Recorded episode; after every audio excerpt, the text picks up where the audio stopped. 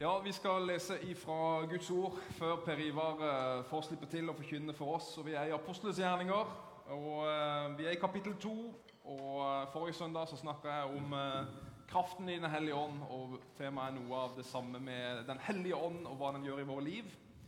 Så jeg skal lese fra kapittel 2 og ifra Peters tale. Peter som reiser seg opp, fylt av Den hellige ånd. Og så tar han fullstendig av der i en flott tale. Jeg skal lese noen utdrag av den vers 17 og 18 sier I de siste dager skal det skje, sier Gud, at jeg øser ut min ånd over alle mennesker. Deres sønner og døtre skal profetere, og de unge skal se syn, og de gamle skal drømme drømmer. Ja, selv over mine slaver, selv over mine slaver og slavekvinner vil jeg i de dager øse ut min ånd, og de skal tale profetisk. Og Så hopper vi videre til vers 36, og så leser vi ut avsnittet. Så skal hele Israels folk vite for visst denne Jesus som, de, som dere korsfestet, ham har Gud gjort til både Herre og Messias. Da de hørte dette, stakk det dem i hjertet, og de sa til Peter og de andre apostlene, Hva skal vi gjøre, brødre? Peter svarte, Vend om og la dere døpe i Jesu Kristi navn, hver og en av dere.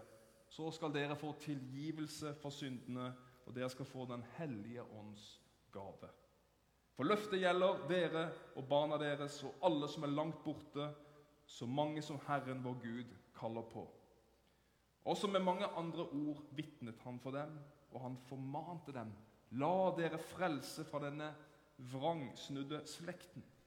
De som tok imot budskapet hans, ble døpt, og den dagen ble det lagt til omkring 3000 mennesker. Vær så god, Perim.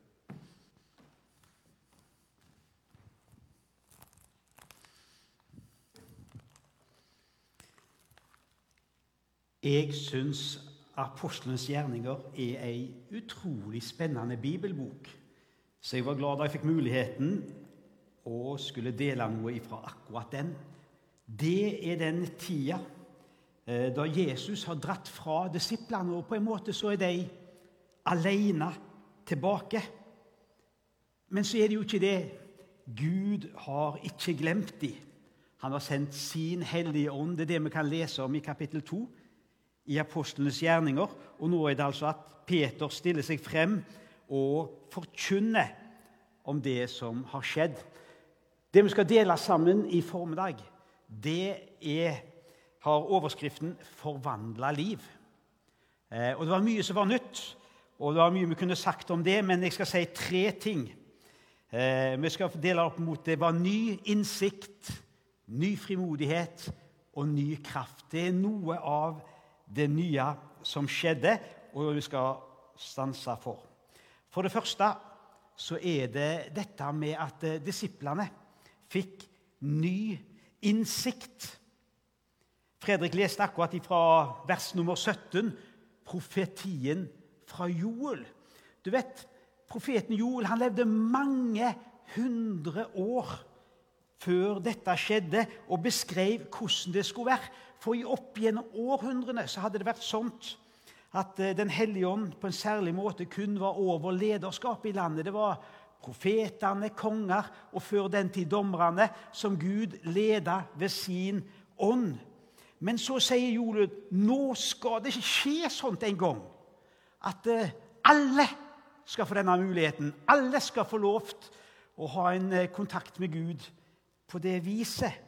Og plutselig så er det som eh, liksom ei brikke faller på plass i frelseshistorien. Og nå var man kommet dit. Og Peter sier at det dere ser, det vi opplever nå, det var det som Joel sa. Nå er Den hellige ånd over alle. En ny innsikt som eh, Peter fikk og formidla denne første pinsedag. Men det var flere sånne ting som, eh, som de skjønte bedre etter hvert som, eh, som tida gikk.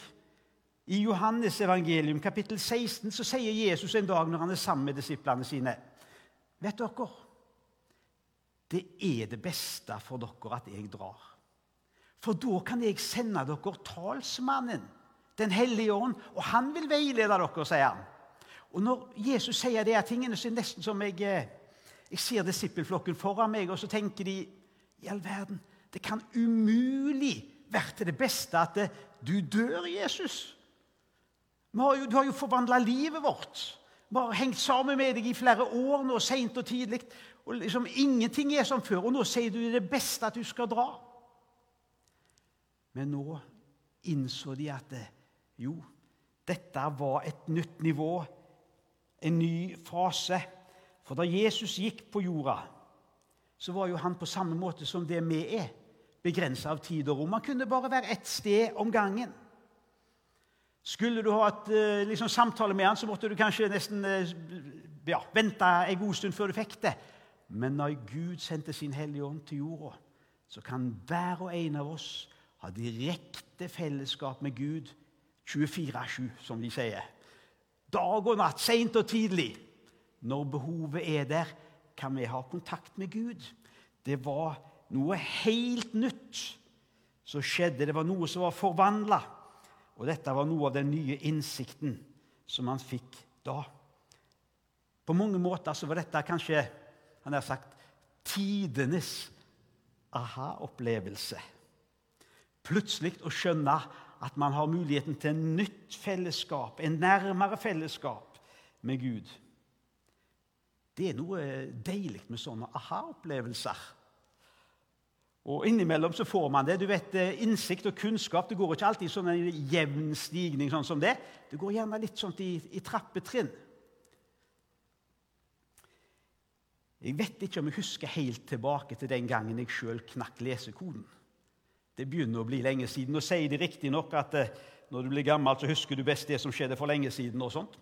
Men eh, jeg husker i hvert fall da guttene mine Jeg har fem gutter. Da Da de knakk lesekoden den ene dagen mer eller mindre, så er det noen rare tegn og bokstaver som ikke gir mening.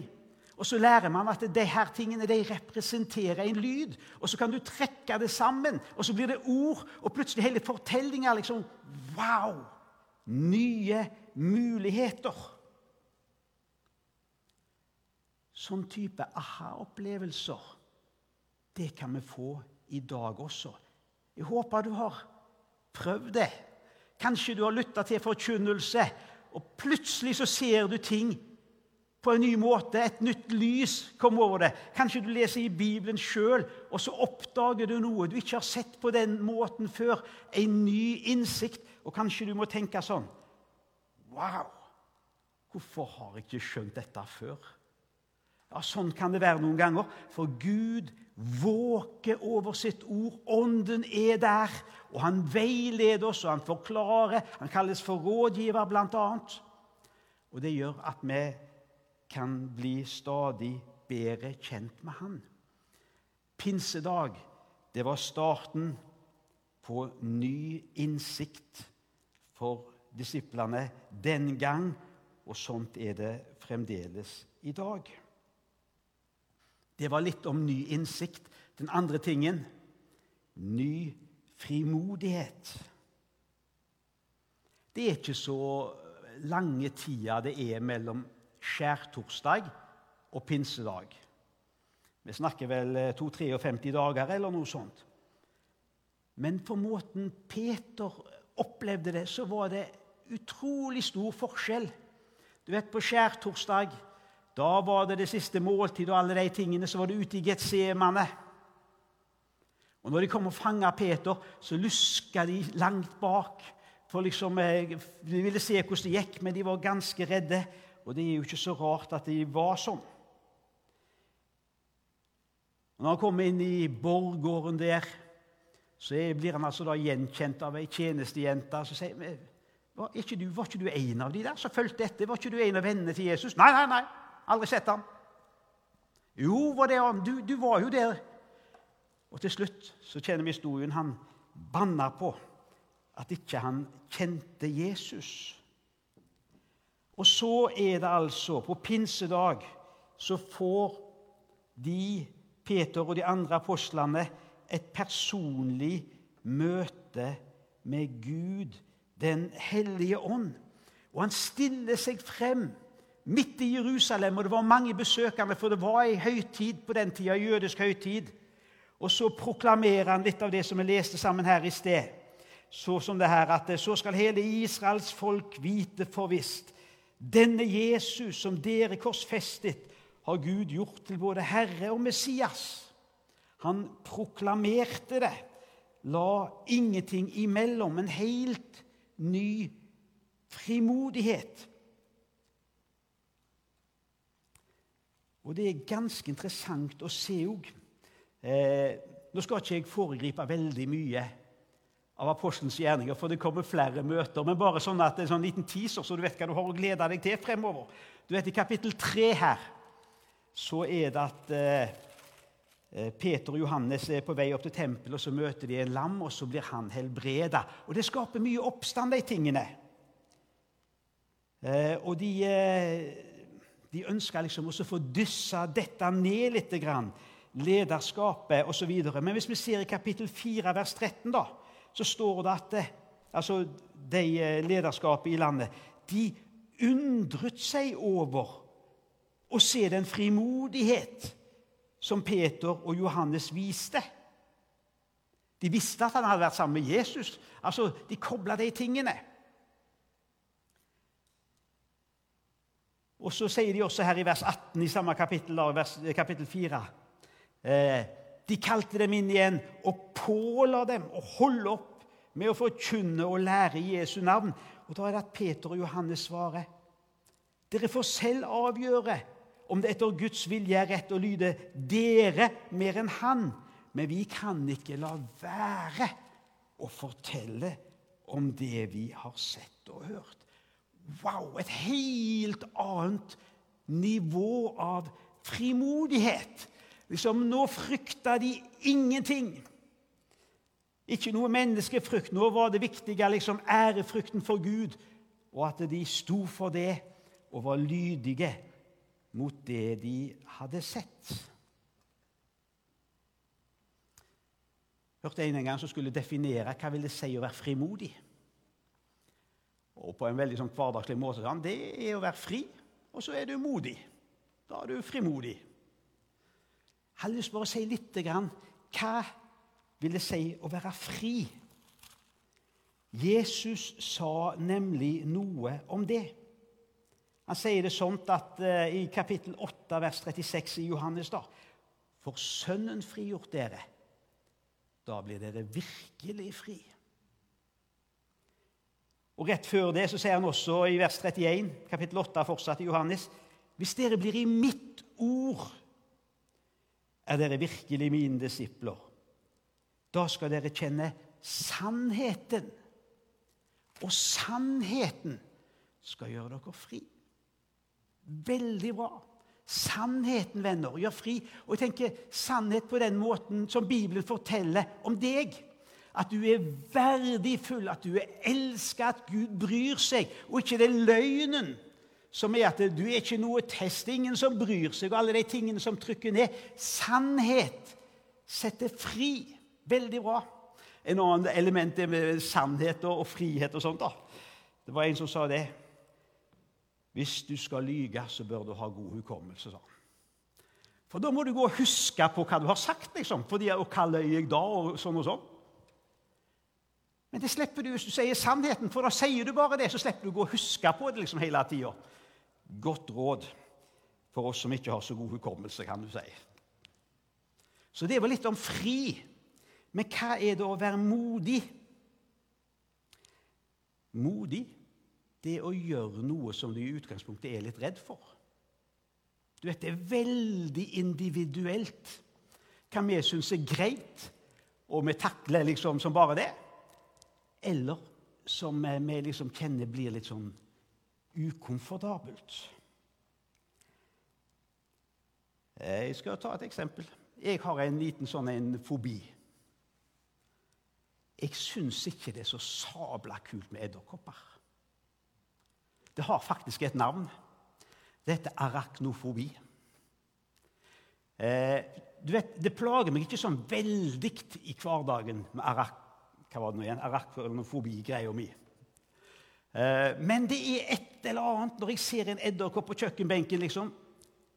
Måten han går på, liksom her kroppen midt i ja, Det trigger et eller annet. Det hender jeg må rope på kona mi. 'Merete! Edderkoppen!' Og kommer helten min til kjøkkenbenken, tar hun han, og så følger hun han ut. For Hun skal ikke drepe dem, for de er veldig viktige og nyttige. Og jeg sier for min egen del, med forstanden, så skjønner jo jeg at det, den der Kommer det til nærkamp, så tar jeg den, ikke sant? Jeg, jeg skjønner jo det. Men det trigger et eller annet, så hvis jeg skal være skikkelig modig, så er det jeg som må gjøre det. ikke sant? Ja, et enkelt eksempel. Men det som kan være noen ganger, det er at hvis man kjenner på ting som på en måte hemmer livsutfoldelsen Hvis du f.eks. bor her i området og ikke takle å kjøre gjennom tunneler, f.eks. undersjøiske tunneler eller tunneler generelt, da er det med å hemme livet ditt. ikke sant? Du kommer jo ikke lenger enn til Førrespotten herifra. Og skal du til Stavanger, så jeg vet jeg ikke helt hvordan du skulle gjort det omtrent. Så det er noe med det der også, Altså, Det er ulikt hva vi, vi kan ha litt sånn fobier for. Men jeg tror alle av oss har potensial gjerne for å pushe det litt, strekke oss litt. Og i tillegg til det så kan vi oppleve hvordan han har sagt, ånden kommer oss til hjelp i vår svakhet. Det er noe av det å være modig. Fredrik delte et eksempel her sist søndag da han talte. Da han lå på pressbenken og så skulle løfte det her vektene. Han og så var det Svein Hetland, så du gjorde det sammen med, fortalte du. Og så var Svein der, da. Han har sagt Svein Den hellige ånd, hadde jeg nesten sagt. Som når liksom, man kjemper å, nå, nå går det ikke lenger. Så får man liksom hjelpen til å ta det videre. Veldig veldig bra eksempel du brukte faktisk der sist. Og Sånt er Den hellige ånd. Noen ganger når vi kommer liksom sånn til enden her Nå har jeg strekt meg så langt jeg kan.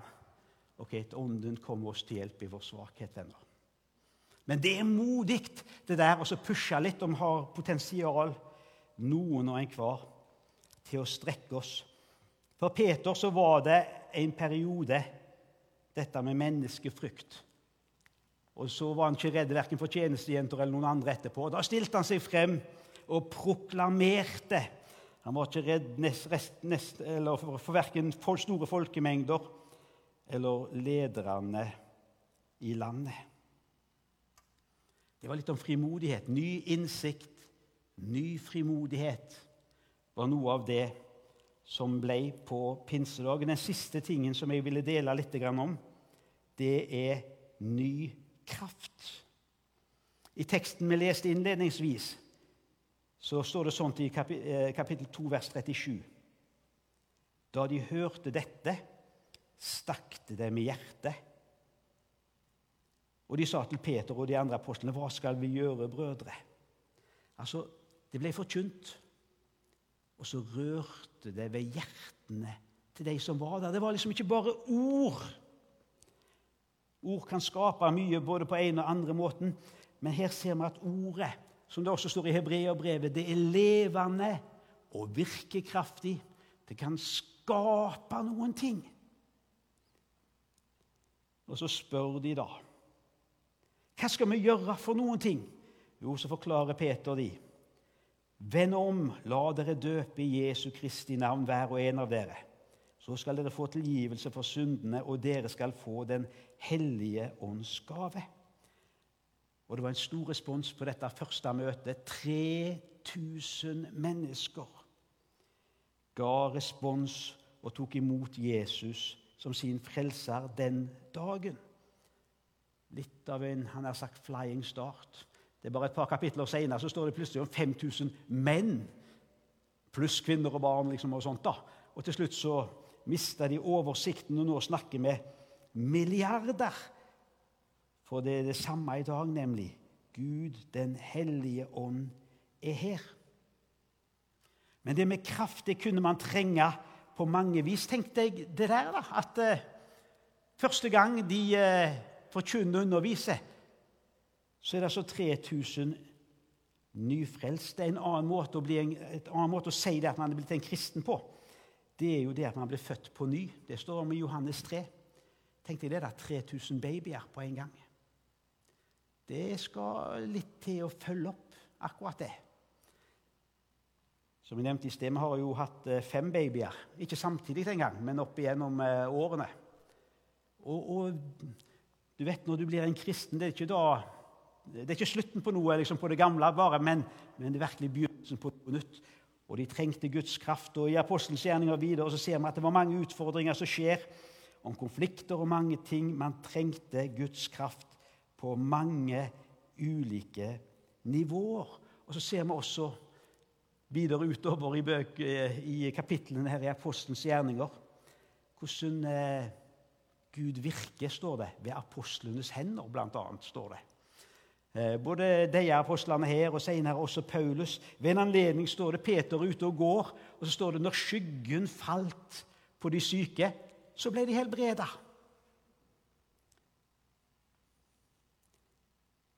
Men så ser vi òg, da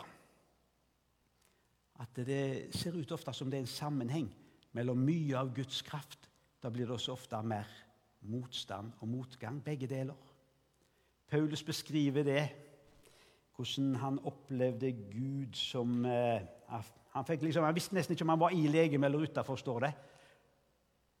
Og fikk høre, Dette kan du lese om i 2. Korinterbrev kapittel 12. Da. Og, eh, han visste nesten ikke om han var i kroppen eller utenfor, om han var i himmelen eller hvor det var, men han fikk se ting han aldri hadde sett, høre ting han aldri hadde hørt. Det var så sterkt å bli der.